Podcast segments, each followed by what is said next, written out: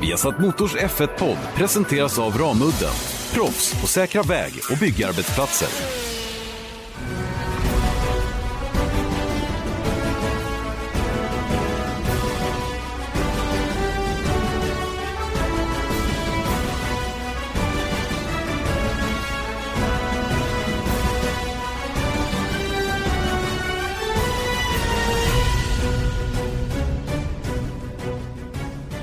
Mycket välkomna till F1-podden. Vi har satt Motors F1-podd. Janne Blomqvist, Erik Stenborg. Så här ett par dagar efter det tusende Formel 1 Grand Prix. Och självklart ska vi prata Kinas Grand Prix i dagens podd med eh, både besvikelser och överraskningar. Eh, vi kommer givetvis också att prata lite grann Indycar. Eh, Indycar som körde sitt Monaco-race som vi kan kalla det då, nämligen stadsloppet i Long Beach. Hur var det egentligen och hur gick det för våra svenskar och så vidare. Och sen har vi faktiskt ett gäng med lyssnarfrågor idag som vi ska beta av Erik och eh, det känns kul att kunna, kunna hjälpa till och, och förkovra folket som lyssnar. Ja, vi hade ju eh, det som en stående punkt förra året och det har vi inte gjort i år. Men nu eh, bränner vi av fyra stycken på en gång istället. Inga kepsar på posten, men väl lite kunskap. Det kanske är gott nog. Ja, exakt. Och eh, i ärlighetens namn så finns det inte så mycket att prata om efter de här helgerna. Eh, eller den här helgen som var. Så då, då, då gör vi vad vi kan. Exakt, det passar rätt så bra. Eh, jag är nyss hemkommen från Kina, eh, rätt lättad över att vara tillbaka.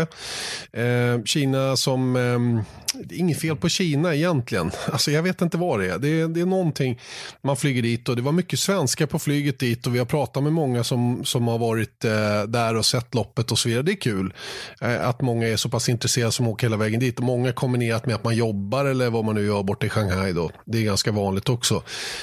Men ehm, det, det är ändå någonting när man kommer dit. Det är nästan ingen som pratar någon engelska och det är lite så här krångligt på det viset. Då. Sen bor ju man ju när vi är vid, vid, vid loppet då ute i Jiading som är då en en 45 minuter från centrala Shanghai ungefär.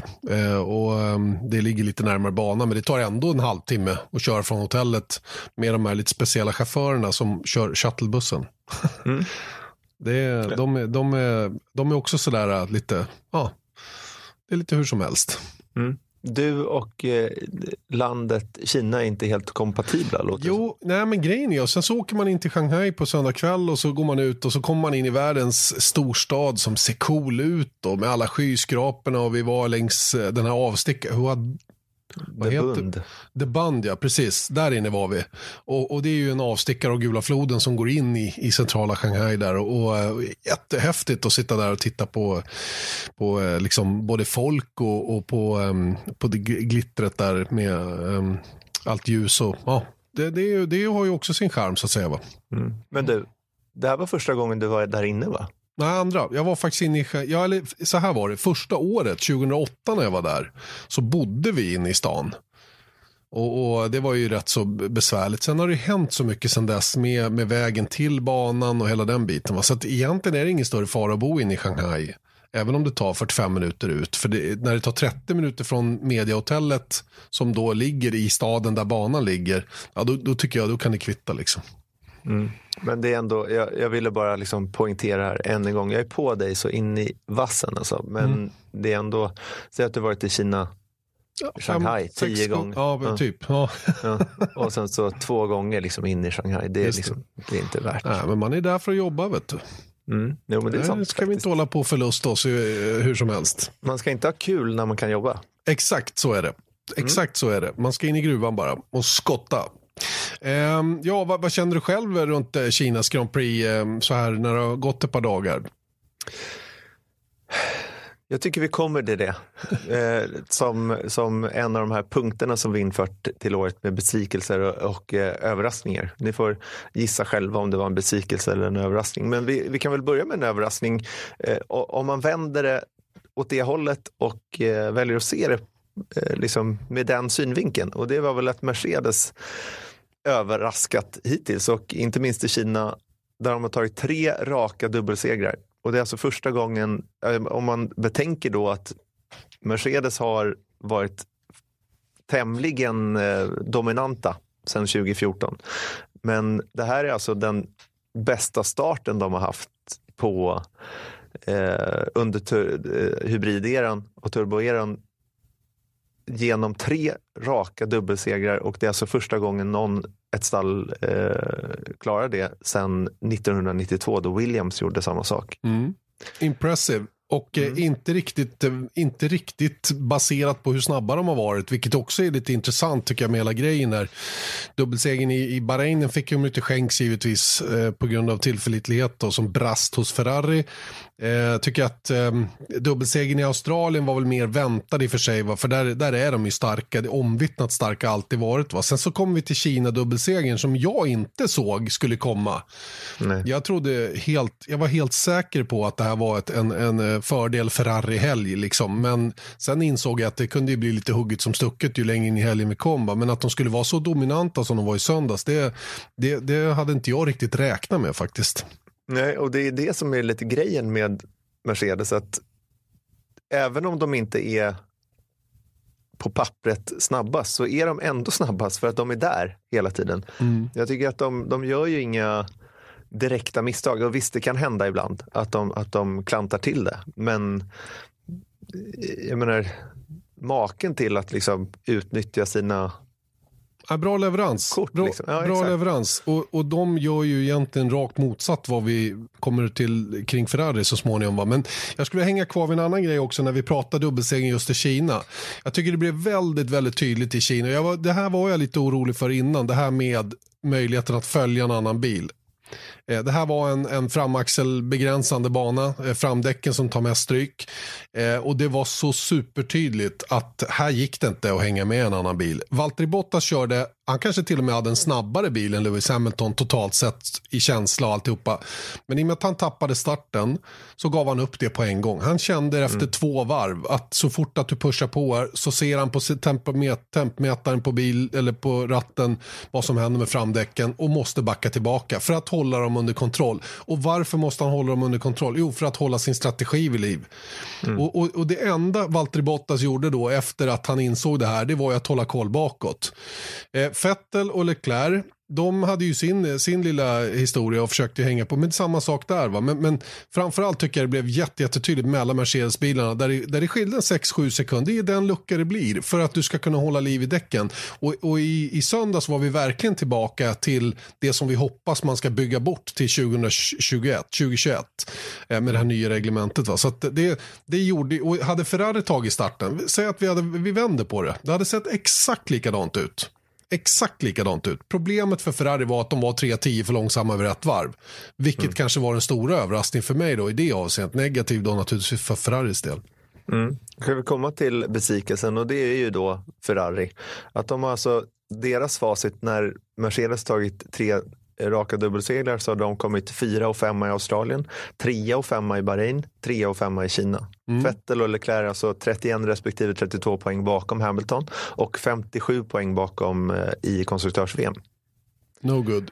No. Och det är det som, jag tror att det är det liksom som kanske lägger sig lite som ett så här, en blöt filt över Kinas GP också. Att det liksom, man vill ju så gärna att det ska vara fight om det. Och jag menar 31-32 poäng, det är rätt tufft alltså. Mm. Att och det, ta och igen. Och det intressanta är ju att de har ju sett till att båda förarna är så pass långt efter istället för att bara en är det. Mm. Eh, Men då... ska vi landa i den mm. eh, frågan då? För det har ju varit, direkt så kommer det ju mycket eh, liksom ifrågasättande mot Ferrari i form av sättet de hanterat sina förare på banan. Du kan väl ta den bakgrunden. Vi har ju i Australien, Bahrain och i Kina så har det hänt vissa saker som mm. har då börjat eh, ifrågasättas. Det började ju egentligen i Australien där, eh, där Charles Leclerc blev beordrad att hålla position då bakom på deras fjärde respektive femte plats eh, bakom Vettel och det, det fanns en viss logik i det tycker jag för att även om Vettel hade gått förbi Vettel eh, i slutskedet av racet så hade det inte gjort någon skillnad för teamet i stort. Så då, det, det skiljer bara två poäng så där, den, den har jag lättast att leva med. Mm. Det, det, där är också så här, det där händer ju för alla team. Ja, ja, ja, herregud, det måste ja. man ju säga också. Att det, det är liksom, visst, det är en teamorder, men den är, liksom, den är så pass vanlig så att man kan knappt kalla den teamorder när ett team säger åt båda sina förare som ligger efter varandra på banan att hold positions för vi vill inte riskera någonting. Nej, nej. Eh, och ju klart, längre ner på griden man kommer, desto större betydelse får det att slå sin teamkamrat. Va? Men i Ferrari, där, det, det, är ju aldrig något som kommer att hållas mot Leclerc, att han aldrig körde förbi Vettel där, utan alla vet liksom förutsättningarna mm. där. Tredje femte platsen i Bahrain, den vet vi också varför den blev som den blev. Leclerc hade ju en dominant seger på gång, verkligen, mm. när motorn gav upp och Vettel strulade till det eh, när han låg på en tämligen klar andra plats åtminstone då, med, med så som det blev för Leclerc, eh, om man nu hade förlorat fighten med Lewis Hamilton, vilket han gjorde. Så att det, där har de ju också torskat poäng i onödan. Och sen har vi då mm. Men, men där vill jag också bara poängtera med teamorder, om det är det vi landar i här. Mm, mm. Vilket eh, är, är, ju den diskussionen som, som pågår just nu. Då var det ju så att Vettel hinner upp, eller Leclerc hinner upp Vettel och då får på radion att säga så här, nej men eh, stand by, uh, wait two laps, för han säger att han är mycket snabbare. Just det. Och, och, sen så kör han om i alla fall. Så då är liksom den vedertagna uppfattningen om, och, och, det är mycket möjligt att det var så, men den vedertagna uppfattningen är att nej, men där tog Leclerc, där var han hård och tog saker i sina egna händer. Och mycket möjligt att det var så som sagt, men man ska ju veta det och det har vi hört av Dean Lock som är då eh, producent för, för eh, världsfiden. Att den här radiokommunikationen som kommer, den kan komma fort men den kan också vara upp till ett varv gammal. Så det är mycket möjligt att han hade fått eh, eh, liksom väntat sina ett och ett halvt, två varv innan han körde om då och tog saker i sina egna händer. Eller så fick han en värsta läget att göra det eh, som det blev och tog sig förbi på det sättet. Så där vet vi inte riktigt. Liksom. Jag, jag tycker att det är svårt att säga rent journalistiskt sett att ja, där var det en teamorder som Leclerc tog eh, saken i egna händer. Mm. Nej, det, det, kan inte jag heller veta med 100% säkerhet. Jag, jag, tror säkert att han blev tillsagd att, att uh, stand by för two laps. Självklart, mm. va? men så fick han en bra run. Mm. Och, då, och då är det lite det, det klassiska Senna-citatet. Mm. Go for a gap. Ja, så, och det gjorde han liksom. Och han blåste förbi och han var sjukt imponerande. Och där var det ju faktiskt Leclerc som var snabbare. Mm. Eh, och sen i, nu i söndags då så var det ju eh, eh, Vettel då som, som tjatade sig förbi Charles Leclerc. Eh, och han fick ju stå och hålla färgen i, i mixade zonen efteråt och säga att ja, men jag var snabbare i det där läget. Va? Men sen hade jag lite svårt att komma loss och bla bla bla. Jag har inga problem med teamorderna som sådana. De är inte roliga va. Men frågan är, behöver Ferrari hålla på med det? Det är det som är min fråga. Och hur länge ska Vettel vara prioriterad? Jag menar, om han inte hade varit prioriterad nu och att motorn hade hållit i Bahrain, då hade ju, alltså, då hade ju Fett, eller Leclerc varit klart före Sebastian mm. Vettel i mästerskapet. Mm. Jag vill plocka tillbaka än en gång där till, om, om, man tittar på det isolerat vad som hände i Kina. Det är inte heller konstigt att när en förare i det läget av racet hinner upp en annan, att ja, okej, okay, go for it, släpp förbi honom, prova. Om det inte funkar, släpp tillbaka honom. Sen så blev ju liksom, nu blev det ju så att Leclercs race blev ju eh, ganska kraftigt kompromissat på grund av det då. Och han kom ju inte, Vettel kom inte loss från Leclerc och allting sånt där. Men sen blev det en strategisk fråga vilket gjorde att, att det föll samman på det sättet. Mm. Jag tycker bara att, så här, att det beslutet av Ferrari att låta Vettel gå förbi Leclerc. Inte heller konstigt om man tittar på det historiskt sett i Formel 1. Nej, nej, nej, nej, inte alls. Jag tycker mer att det är utförandet, tidpunkten för utförandet och slutresultatet efter utförandet som är problemet. Eh, vi har punktat upp fart, förare och ledarskap när vi pratar Ferrari här. Och, och då, mm. om, vi, om vi landar i ledarskapet här eh, så är det ju så att Leclerc tar ju Vettel i starten och har banposition. Mm. Eh, de är ungefär lika snabba. Fettel tjatar sig förbi efter mångt och mycket tjat.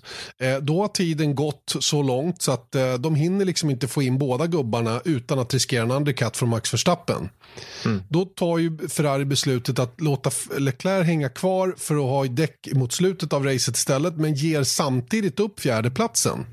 Bara så.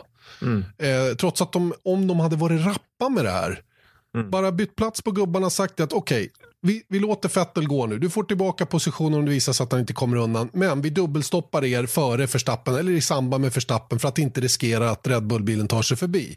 Mm. Det är här jag tycker de gör dål, ett dåligt jobb. Mm. De, är, de är orappa i huvudet liksom med, med, med vad de ska få ut av det. Och, och att Vettel kan tjata sig förbi Leclerc på det här viset, det är för mig jättetydligt att han har en uppgörelse med teamet om att ha förtur. Vi hörde ju även Mattia Binotto under presskonferensen, han fick ju raka frågor om det, om det fortfarande är så att Vettel har prioritet. Och det, det sägs han ju ha, för de bedömer Millions of people have lost weight with personalized plans from Noom. Like Evan, who can't stand salads and still lost 50 pounds. Salads generally for most people are the easy button, right? For me, that wasn't an option. I never really was a salad guy. That's just not who I am. But Noom worked for me. Get your personalized plan today at Noom.com. Real Noom user compensated to provide their story. In four weeks, the typical Noom user can expect to lose one to two pounds per week. Individual results may vary. Att det är han som har störst chans att gå för VM-titeln.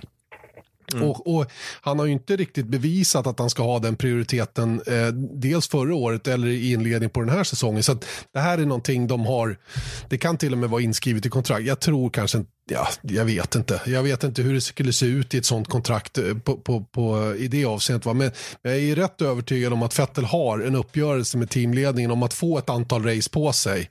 Mm att, att liksom stämma i bäcken på något sätt. Va? Och sen skulle saker och ting ge sig per automatik resten av säsongen.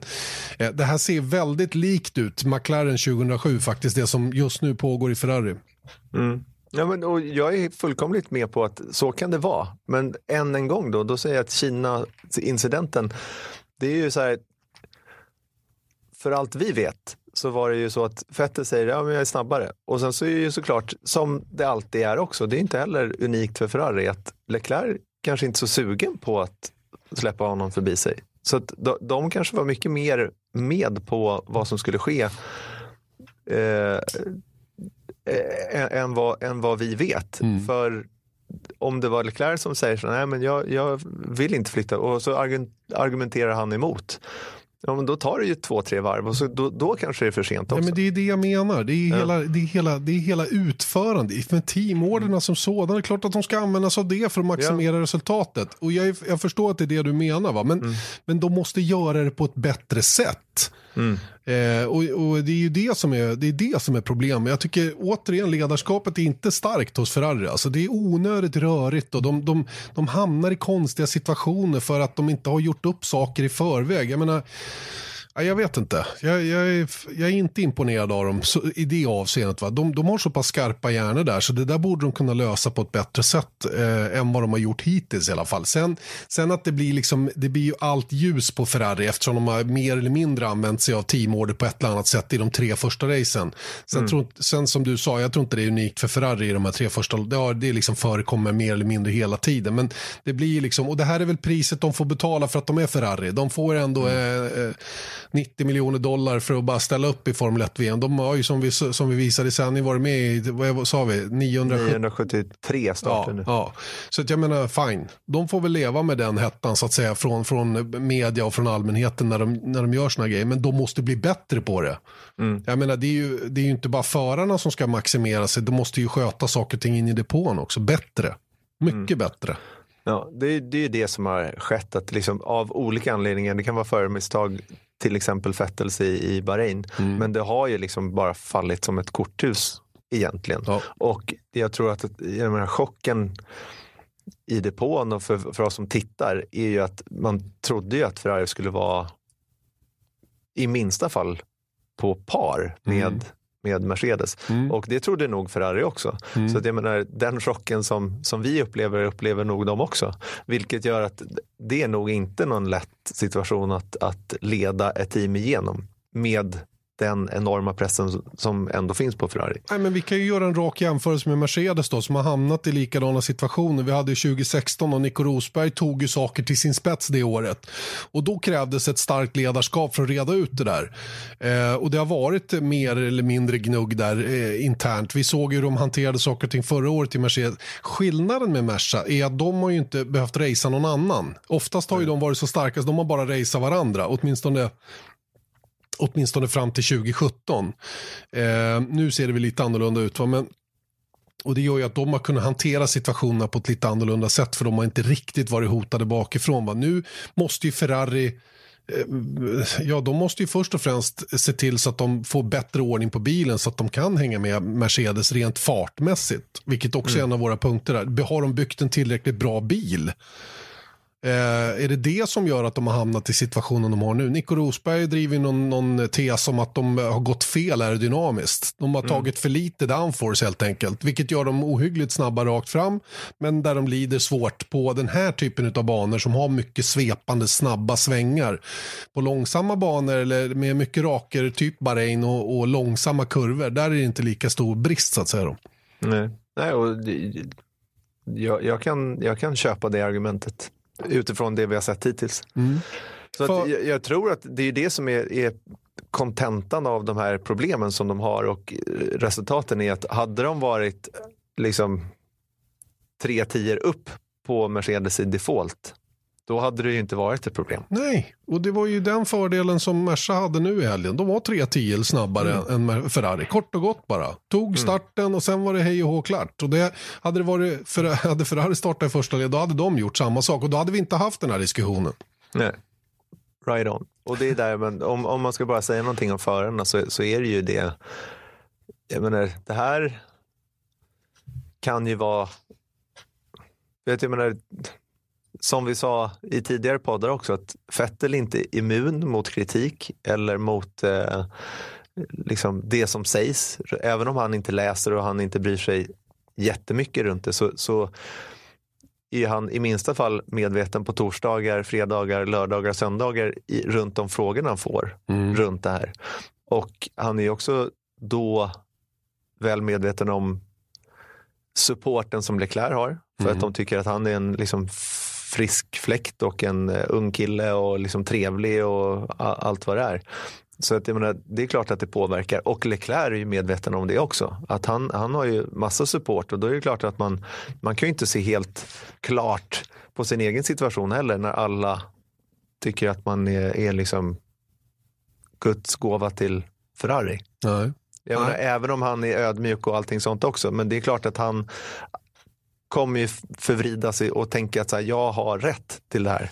Men för att alla de här idrottsmännen är ju tokar. Vet du vad som händer mer? När, när, när man gör så här.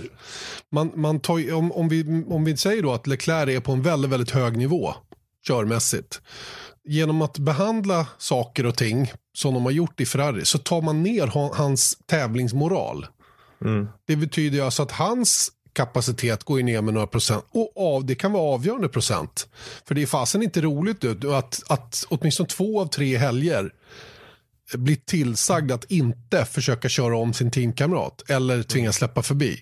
Mm. Det, det, det, måste ju vara, det måste ju vara otroligt nedbrytande. Va? Han är naturligtvis förberedd på att det här kan hända. Men när du väl står inför faktumet så tror jag ändå att det tar ner din moral. Mm. Och då har ju Ferrari ytterligare sabbat det. Titta vad som hände med Bottas efter Rysslands Grand Prix förra året. Mm. Han sjönk ju som en sten i moralen. Han är ju fortfarande skitsnabb, men rent mentalt och moraliskt så, så liksom orkade han inte. Va? Det, det där är också en risk när man håller på och fibblar med teamorder på det här viset och inte har det hundra förankrat innan racet. Vad, vad, vad gameplanen är så att säga. Mm. Mm. Så är det. Just det. Ska vi gå på en överraskning? Tycker för att lätta upp stämningen lite. Ja, nu, tycker jag, nu har vi deppat äh, länge nog. I ärlighetens namn så har vi en liten fotnot där som gör att den här överraskningen kanske är lite av en besvikelse också. Men, men där har vi eh, beslutat oss för Daniel Ricciardo och Pierre Gasly. Ja. Och kan... anledningen till det är ju att de gjorde det som det minst förvänt eller det minsta förväntade av dem. Nämligen att Ricardo kom best of the rest på sjunde plats och Gasly var med i den där topp trion av the big three teams genom att komma sexa. Ja, han, han tog de förväntade poängen i alla fall. De, eller de, Ja, minst. de, de Ja. team som man kan kräva av honom nästintill. Mm. Så att, eh, i det avseendet får vi hålla med om att det var en överraskning. Pierre Gasly som har haft det fruktansvärt jobbigt så här långt. Va? Han var ohyggligt mycket långsammare än Max Verstappen den här helgen också. Eh, I kvalet Q2 Verstappen på medium var 6 tiondelar snabbare än Gasly på soft. Eh, Och det är ju inte okej. Det är ju alltså 6 10 plus en gummiblandning. Det, det, är ju, det lutar ju åt att det var över sekunden. Om, vi- om vi liksom kokar ner det på det viset. Va? Och, och att komma tillbaka från det då och köra igenom ett race som var på en helt annan strategi. Som han själv sa efter loppet. Han visste ju att hans lopp var ju inte att hänga på dem där framme. Hans lopp var ju att hålla liv i soft och försöka toppa den gruppen av bilar som startade på soft. Vilket var då Daniel Ricciardo, Hülkenberg, Kevin Magnussen och Romain Grosjean. Och hur det gick för Haas-bilarna det vet vi. Bakåt gick de, Hülkenberg fick bryta och Gasly slår trots allt Daniel Ricciardo då som man, som man tog över för, från i, i Red Bull. Men, men om vi ser till, jag tror ju att Ricciardo hade varit betydligt snabbare än Gasly om han hade kört kvar i Red Bull. Så Gasly är inte där än och jag tror inte han har många race kvar faktiskt att bevisa sin förmåga. Nej.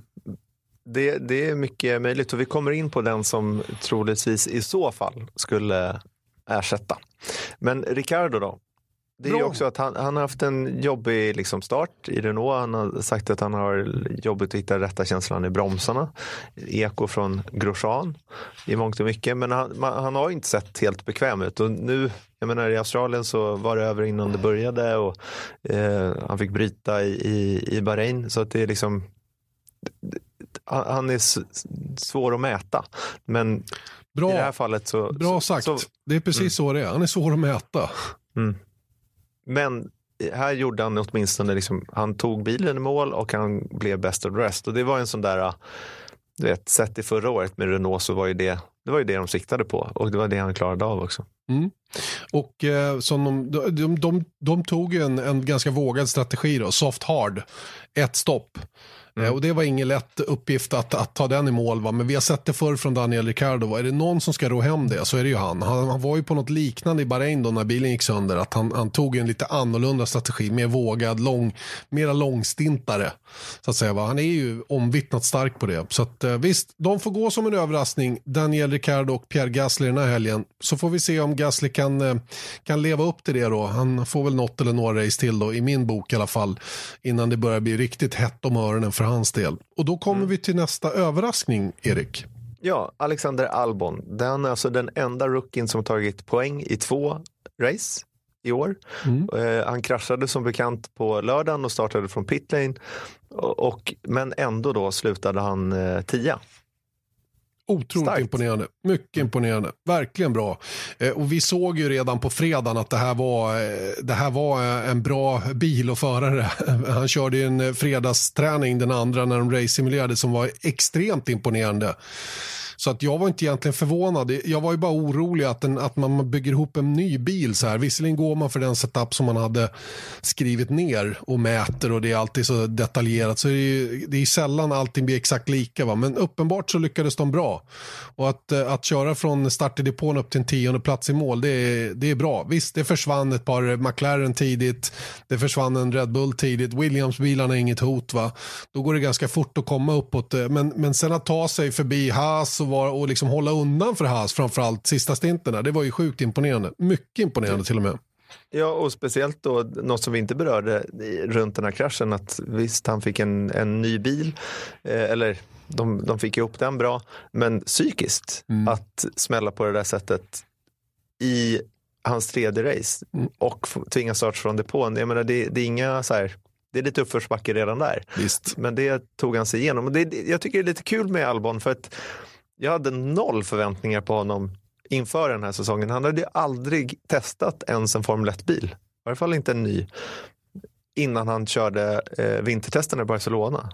Så att, och visst, han kom trea i F2 förra året och allt vad det är. Men just att, att han, jag tycker att han är hittills bäst rookie. Jag menar, Norris har varit bra också, men lite misstagsbenägen i, i, i ett större avseende än Albon tycker jag. Och, Tycker du det verkligen? ja, Ja, det vet jag inte, men däremot just att han, han håller sig på banan i alla fall. Mm. Ja, det han var ju- det fram till P3, eller FP3 sist. Ja, exakt, men i race. Jag hör vad du säger. Och två poänggivande race, det säger ju, det säger ju, det talar sitt tydliga språk. Jag är dock inte helt eh, enig kanske. Jag tycker, jag tycker Norris har varit bättre. Men han kan, ja, för de har likvärdigt material. Vet. Jag tror inte det skiljer jättemycket mellan McLaren och Toro Rosso i, rent materialmässigt. Va? Och där är ju liksom, Norris gjorde ett sjukt bra kval i Australien. Han tog sig till Q3 även i Bahrain. Eh, sjätteplatsen i Bahrain. Alltså, mm, ja, några snäpp kanske bättre än, än Albon var. Men det jag tycker var roligt det var ju att Albon som återigen då, han har inte alls samma erfarenhet som Norris innan den här säsongen eh, gör det så pass bra här i inledningen, då, är- då är det ofrånkomligt att det blir ett annat misstag. Och det, det som han gjorde nu på FP3, det var ju kanske lite onödigt i det läget då. Väldigt tajt på avslutningen av FP3, nära kvalet. Det är inte då man vill skrota liksom. Nej. Så att eh, han reparerade det väldigt, väldigt starkt då och, och, ehm, och gav teamet den här tionde platsen vilket de förtjänade. Men jag håller med dig, lite under radarn snubbe är han och eh, han var ju på väg att lägga hjälmen på hyllan faktiskt innan fjolårets F2-säsong. Han hade ju ingenstans att ta vägen. Han, var ju, han hade ju blivit petad av Red Bull och, och sen togs han in igen så att säga. Och det, det var en högst osannolik utveckling där. Och, och platsen i Dams, den kom ju väldigt, väldigt sent. Körde race by race eh, 2018 i, i F2. Eh, för att det fanns liksom inte mm, finanser och, och styra upp en hel säsong. Men det gick så pass bra på en gång så att han fick behålla den här platsen och, och nu sitter han i Formel 1. Va? Så att eh, man ska nog ta sina chanser i Formel 2 där om man får dem. Mm, kan man tycka. Eh, om man är bra nog alltså. Mm. Så att eh, ja, det, det är en- helt klart en överraskning. Verkligen. Mycket bra. Eh, avslutningsvis en besvikelse till då. Och då kanske inte eh, alla If you're looking for plump lips that last, you need to know about Juvederm lip fillers. With Juvederm Volbella XC and Juvederm Ultra XC, your lip look, whether it's subtle or bold, can last up to one full year with optimal treatment and no additional maintenance. Find a licensed specialist and see if it's right for you at juvederm.com today. That's J U V E D E R M.com. Add fullness to lips in adults over 21 with Juvederm Volbella XC or Juvederm Ultra XC. Do not use if you have severe allergies or a history of severe allergic reactions, or if you're allergic to lidocaine or the proteins used in Juvederm. Tell your doctor if you have a history of scarring or taking medicines that decrease the body's immune response or that can prolong bleeding. Common side effects include injection site redness, swelling, pain, tenderness, firmness, lumps, bumps, bruising, discoloration, or itching. As with all fillers, there's a rare risk of unintentional injection into a blood vessel, which can cause vision abnormalities, blindness, stroke, temporary scabs, or scarring. For full important safety information, visit juvederm.com. är helt... Eh, eller ni, ni börjar ana vartåt det lutar. Ja, det är nämligen Kinas Grand Prix. Det kanske av egen förskyllan ett stort antiklimax. Det var ett ospektakulärt firande. Mm. Eh, det var liksom, det var knappt något firande som man, som man kände av i alla fall hemma i Sverige så var det liksom, ja, lite så. Jag kan bekräfta det till 100 procent som var där. Nej, det var, det var, jag tycker det var pinsamt faktiskt. Jag, jag måste säga att jag, jag skämdes lite. Och, och alla ni som sitter och kollars vägnar. För det där var, det var, det var riktigt, riktigt dåligt gjort av Liberty faktiskt. Ja, men det, det är så lustigt för att menar, vi sitter på den här broadcaster workshop i januari och då säger de så här, ja, eh, det här kommer bli liksom århundradets grej, tusende racet. De har liksom räknat ner på banorna på de här LED-skärmarna som syns överallt. Att så här, det här är race nummer 991 liksom. Och sen så har de hållit på sådär i, i flera år. Egentligen. Och sen så sitter de på workshopen där och säger så här, ja men nu, eh, vet, det kommer vara speciallogger, vi liksom eh, ber er verkligen att hänga på eh, vår lead här och liksom verkligen göra det här till något, någonting i hästvägar. Och man bara, ja, coolt liksom. Och sen så började man ju misstänka, ju närmare man kom, att vad är det de ska göra egentligen? Och det var vi inne på förra, förra podden då, att det, aprilskämtet som VTFF gjorde lät, var bättre än det som på, på, långa vägar än det som F1 själva presterade. Men det var just att det blev ju ingenting. Inte ett dugg, inte ett dugg. Och det var inget, verkligen inget. Vi, i den här mindre flygplatslika eh, paddocken i, i Shanghai så hade de ställt upp tre showcars. En, en Stuart Ford som för övrigt hette CT05, chassinummer. Känns det igen? Mm. Kanske en Caterham? Ah, som Marcus Eriksson kört. Alltså, mm. Så det var en Stewart? Eh, ja, alltså de, de har ju bara tagit monokocken och så har de byggt en Stewart-bil av det. Det är ju så mm. det funkar med de här bilarna. Det är, det är ju inga, de är ju långt ifrån, det är inte rätt material. Men de, de ser okej okay ut. Va? Du, mm. Men du vet, de stod där i två dagar, smutsiga, inte rengjorda. Det var ytterligare en Williams från 92 för övrigt, eller om det var 93. Och så var det en Renault som, det måste ha varit 13 då. Mm. Eh, och jag menar, stå där smutsiga. De får ju torka mm. av dem och göra dem fina. Sen så tog de ett sånt där partytält typ. Mm. Och, och, så satte de på den här loggan på, på tältet, eller taket över och så ställde de bilarna där under. That, that's it liksom. Sen hade de en liten monter med tre overaller i. Mm. Som, som de hade lyckats eh, skrapa fram. Det, det var liksom allt. Det var allt mm. som skedde där inne. Sen Nej, kör, de, hade en bil, de hade en bil från Bape också. Ja, just det. Just det. Bape. ja, men nu vet jag ju vad Bape är för någonting så det är lugnt. Det är barnkläder så jag kanske inte ska veta om vad det där är. Ja, barnkläder? Eller för ungdomar. Eller, ja. okay. Jag är för gammal. Jag är för gammal, det är det jag vill säga. Eh, jo, sen hade vi Lotus 49 då, 49B. Alltså mm. Eh, Graham Hills världsmästarbil från 1968 då, som Damon Hill körde. Men det var inte heller, det, det var ju sig kul för han laddade ju lite. Mm. Han laddade på lite. Men, men eh, firandet, du skrev ospektakulärt firande. Jag skrev spektakulärt ofirande. Mm. För det var, de, de var fasen duktiga på att inte fira det. Mm. Det var nästan svårare att inte fira det än att fira det ordentligt. ja, men på riktigt. På riktigt. Ja. Och, och så, racet som sådant, det kan vi inte göra någonting åt. 0-0 matcher, det händer i alla sporter och ibland så är någon för överlägsen. Det har inte jag någonting, det, det är liksom, så är det. Om, vi har, om folk sitter hemma och deppar över det, då får man väl följa något annat än sport rent generellt känns det som. Utan det är inga race, det kan aldrig ha klassiker varje helg. Och det vet alla om. Sen kan man ändå vara besviken över att det blev som det blev. Men, men eh, det, det, var inte så lätt att följa med däremot på racet tycker jag. Det var väldigt Nej. skakig bildproduktion. Det, det, var faktiskt, apropå de här VTF också, så la de ut på Instagram ganska snart, eh, kanske var under racet eller direkt efteråt, att så här, vad, vad trevligt att, att Formel 1 eh, lät fans styra kamerorna som en del av firandet.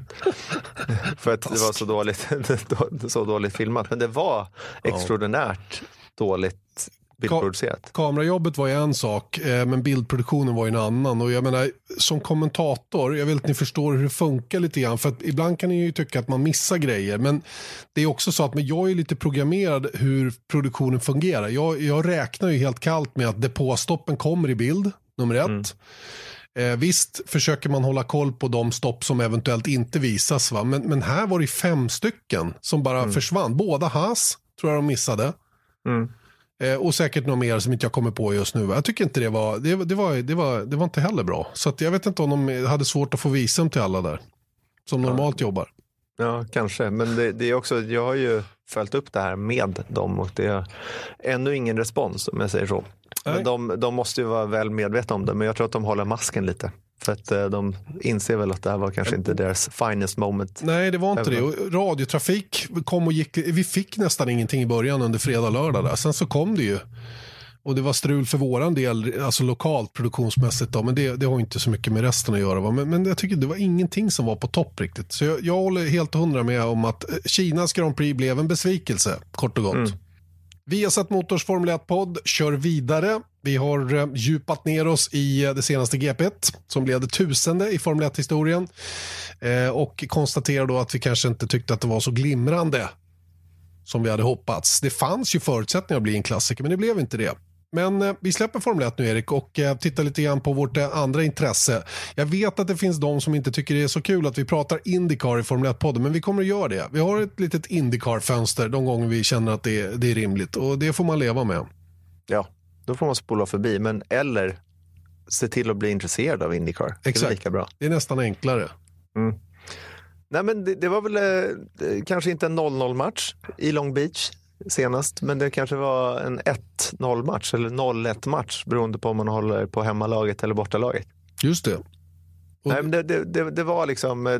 Det, det som jag tyckte med de tre racen innan Long Beach var ju just att så här, ja, någonting hände i alla fall i slutet som, jag menar Barber var, var bra, hyfsat rakt igenom. Och, men St. Pete var ju också lite sådär, ja, det, det fanns stunder och även Kota eh, där det inte hände så mycket. Men här var liksom, det, det lossnade aldrig för det här mm. racet under de här 85 varven de körde. Och det, det var, jag satt ändå och väntade på det, att nu, nu ska det ske någonting. Men det var, det var hyfsat statiskt och det, det, blir ju så också när Alexander Rossi som, som vann det där racet från pole position, han var ju dominant. Det var ont om eh, full course cautions och eh, liksom det, det var ingenting som riktigt skakade om det hela. Nej, och eh, har man pace några tiondelar bättre än konkurrenterna och får oavsett gummiblandning att funka bra, man ligger till bra med bränslet. Och, han fick göra liksom allt perfekt Alex Rossi och fick eh, den lucka som han behövde.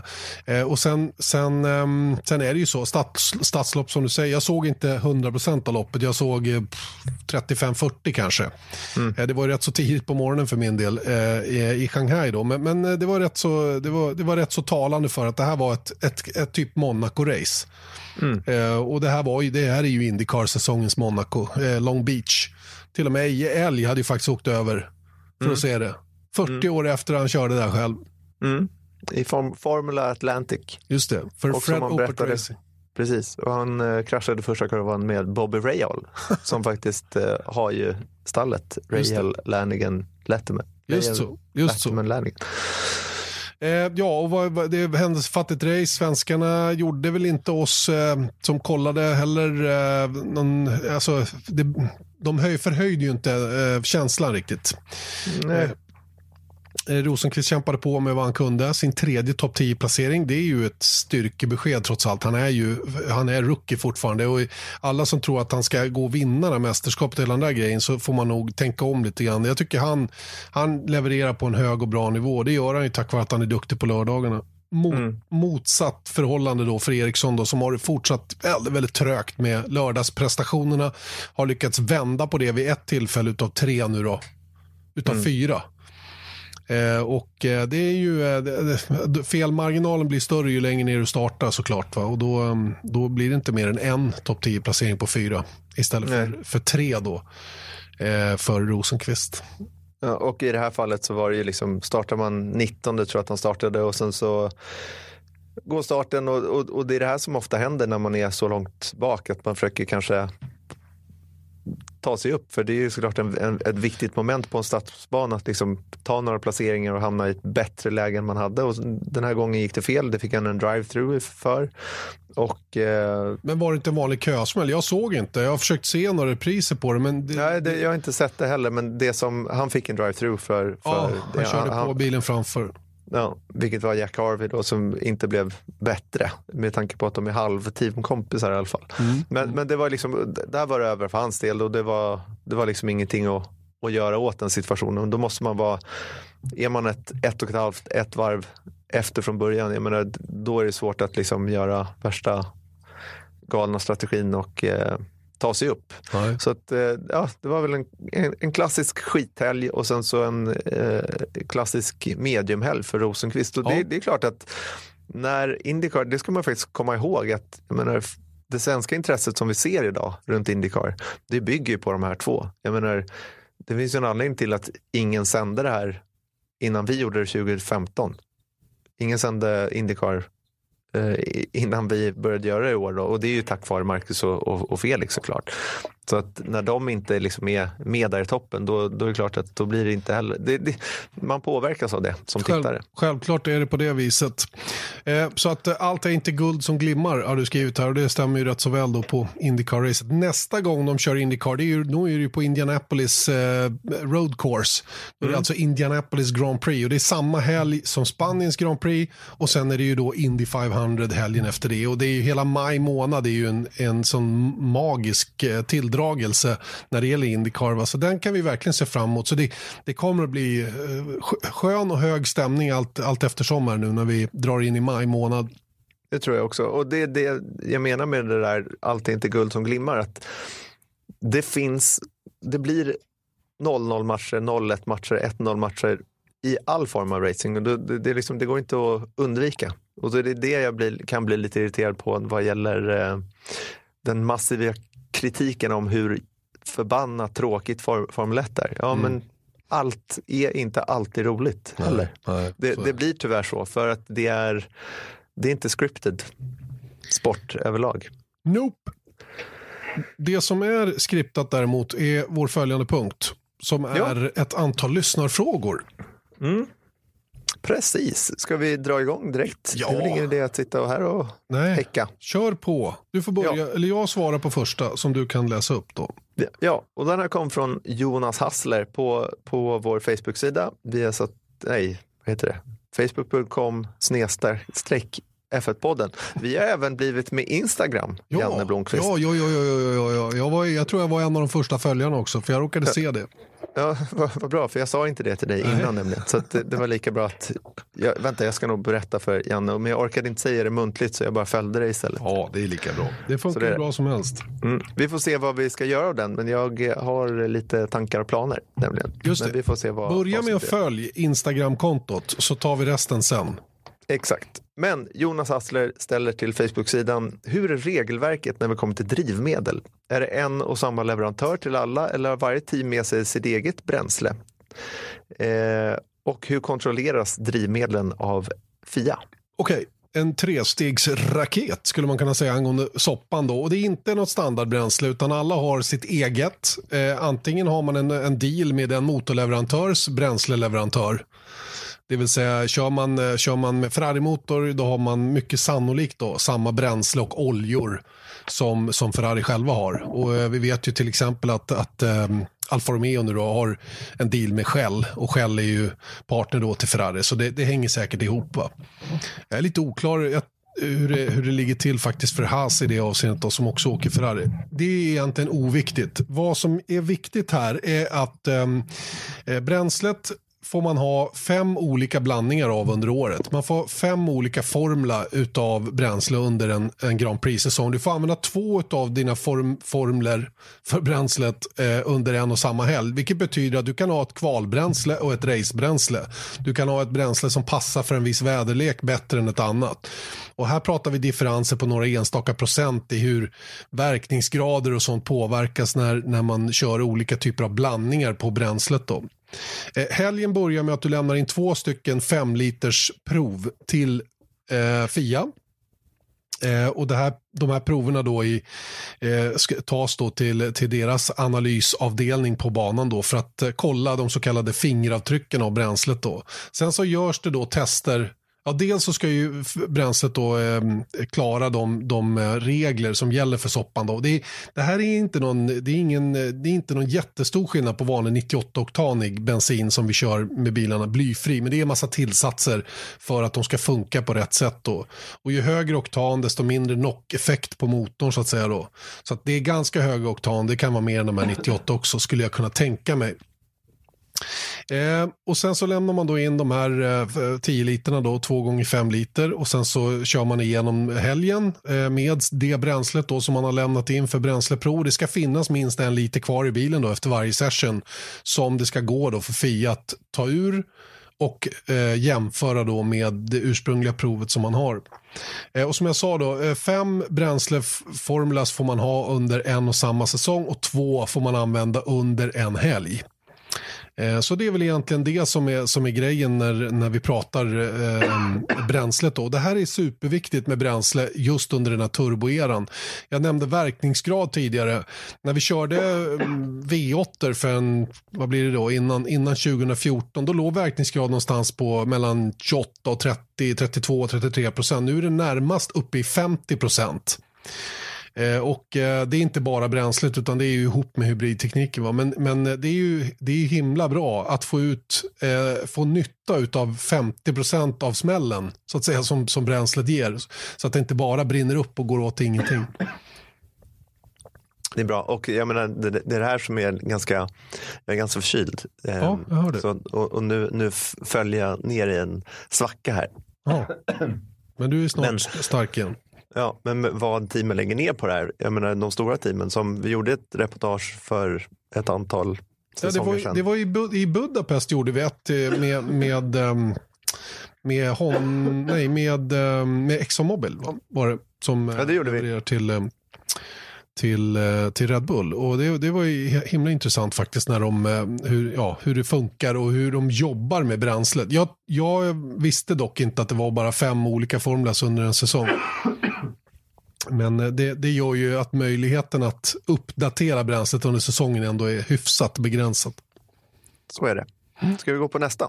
Eh, tycker jag. Eh, jo, det var en fråga också att det luktade konstigt om bensinen som Ferrari har. Och jag vet inte vad det berodde på. Men det har väl att göra med vad det är för substanser i dem. Men, men bränslet är, är i alla fall eh, okej, enligt FIA. Okej, då är nästa fråga Robert Harjula eh, som ställer en fråga. Vad har vingarna som sitter på visiret för funktion och vad är, varför är det hål i dem? Och det här ställer ju, får ju oss att eh, ställa oss frågan, vad menar Robert? Men vi tror att det kan vara tre olika anledningar eller tre olika eh, grejer han syftar på. Så vi tar alla tre, eller hur? Ja, det tycker jag. Eh, min, min första tanke var när jag läste det här. Eller det, det jag hade, först så satt jag som det, som ett frågetecken. Vingarna på VC tänkte jag, vad sjutton menar de? Men sen förstod jag, tror jag, vad han menar. Nämligen de så kallade tear-offs. Eh, och eh, om ni ser en tear-off på, på visiret, fram på visiret så är det små flärpar som sticker ut utanför visiret då med hål i. Och det är ju för att man ska få tag i dem med fingret och dra loss dem. En tear-off är ju en tunn film som man lägger i ett antal lager utanpå visiret som när det blir smutsigt går att dra bort och så har man fri sikt igen. Det kan vara att det är olja från bilen framför eller något annat som insekter eller, eller inte vet jag som fastnar där. Då har man ett antal, säg fem, sex stycken, fem, ja, fem, fem eller sex kanske till ett race. Som man kan dra då allt eftersom. Och det är därför det är ett litet hål. Och de ser ut som små vingar på sidan, på utsidan av, av visiret. Och jag tror att det är det Robert Harjula menar. Men det kan finnas en annan förklaring också. Eller det kan vara annat han menar, Erik. Ja, och apropå tear-off så om man tittar på långloppsracing eller GT-racing när de kör ja, Le Mans till exempel, då har de ju tear-offs på rutan, på vindrutan helt enkelt. Och då drar de av en plastfilm på hela rutan. Samma princip. Samma princip, ja. Mm. Eh, nummer två skulle kunna vara de där vingarna som faktiskt sitter på hjälmen. Att det sitter ofta någon på liksom hakskyddet och gärna liksom uppe på, på hjälmen och de ser olika ut. Eh, en del faktiskt beroende på vilken förare. Så att två olika förare i samma team kan ha olika vingkonfigurationer på hjälmarna. Eh, men det är helt enkelt för att all, allt det som sitter på hjälmen har ju att göra med att få hjälmen stabil. Mm. Helt enkelt. Så är det. Jag kan ta en bild. Jag har den faktiskt till en Stilo-hjälm. Eh, som är på här hemma. Så jag kan ta en bild och lägga upp för alla ser hur den ser ut. Det är, det, det, det, är, det är rätt fånigt för det är alltså bara lite genomskinlig plast. Tunn, tunn plast. Med, som man klistrar på hjälmen. Men det de gör är att de lackar även den där då så att den, så att den liksom hänger ihop med resten av hjälmen. Men allt är ju för att styra luften åt ett visst håll då. För att slippa eh, att man får, för i, i, i cockpiten så kan man få en effekt där luften går ner i cockpit och sen går den upp i cockpit igen och då tar den med sig hjälmen upp. Vilket betyder att man, hakbandet håller på att strypa den. Och det där är saker som förarna är jäkla känsliga för. Och det där kan behöva justeras lite grann. Och då har man en liten spoiler i bak på hjälmen. Eller nere på hakan som du sa. Då. Mm. Och det där har faktiskt hänt att eh, Jenson Button, jag kommer inte ihåg vilken bana eller vilket år. Hockeyn var det. Ja, och då var det ju eh, att hans små flärpar på hjälmen hade lossnat. Antagligen så helt plötsligt så lyfte hjälmen. Då ser man att, och då säger han på radion också att jag, jag, jag blir strypt här. Då ser man att han sitter liksom och håller ner hjälmen medan han kör. På rakerna då när det börjar liksom, när han får lyft i hjälmen. Det var faktiskt lite spektakulärt. Det kan jag hålla med om. Eh, helmet, jag, jag kollar om jag kan hitta när det var. Jag har för mig det var att det var på, på Hockenheim. Kanske 2004 verkar det vara. Mm. Han, han fick liksom sitta med handen uppe på hjälmen och hålla ner den. då. Okej, fa- vi hade ytterligare någon teori va? Var det inte så? Eh, teori. Eller, Jo, jo, jo, jo, jo just det. Nu, nu har jag glömt bort det redan innan. Jo, men det är också när han pratar vingar eh, så, så finns det ju även en liten vindruta framför cockpit. Och på vissa bilar, däribland Mercedes, så kan ju den se lite lustig ut för den är alldeles hackig. Eh, och det kanske man skulle kunna tolka som hål också. Men det är ju samma sak där. Det är ju att styra luften som man vill ha den. Eh, eftersom förarens hjälm är ganska, har, har ju en stor påverkan faktiskt på aerodynamiken. Hur, för det skapas ju turbulens bakåt, nedström så att säga, eh, när luften träffar hjälmen. Så då har de ju eh, olika konfigurationer för, för vindrutor eller flärpar eller vad man ska säga för att liksom Mm göra det så bra som det bara går.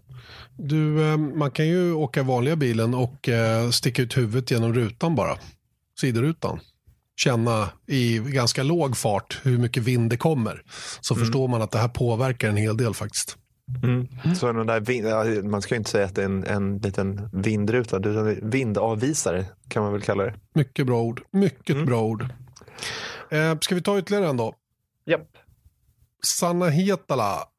Eh, vid situationer där det sker en större krasch, så som när Marcus till exempel kraschade under träning på Monza förra året. Hur gör teamen då för att få till en fungerande bil inför loppet? Vi hade en liknande situation nu i Kina med Alex Albon till exempel. Har de reservbilar undrar Sanna.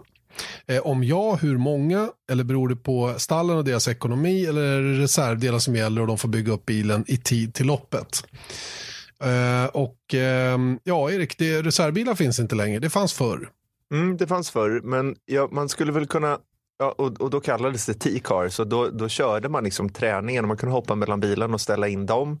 Ehm, och, och sen stod den redo. Det ett klassiskt exempel var väl på Spa 98 där när det var den här jättekraschen i starten.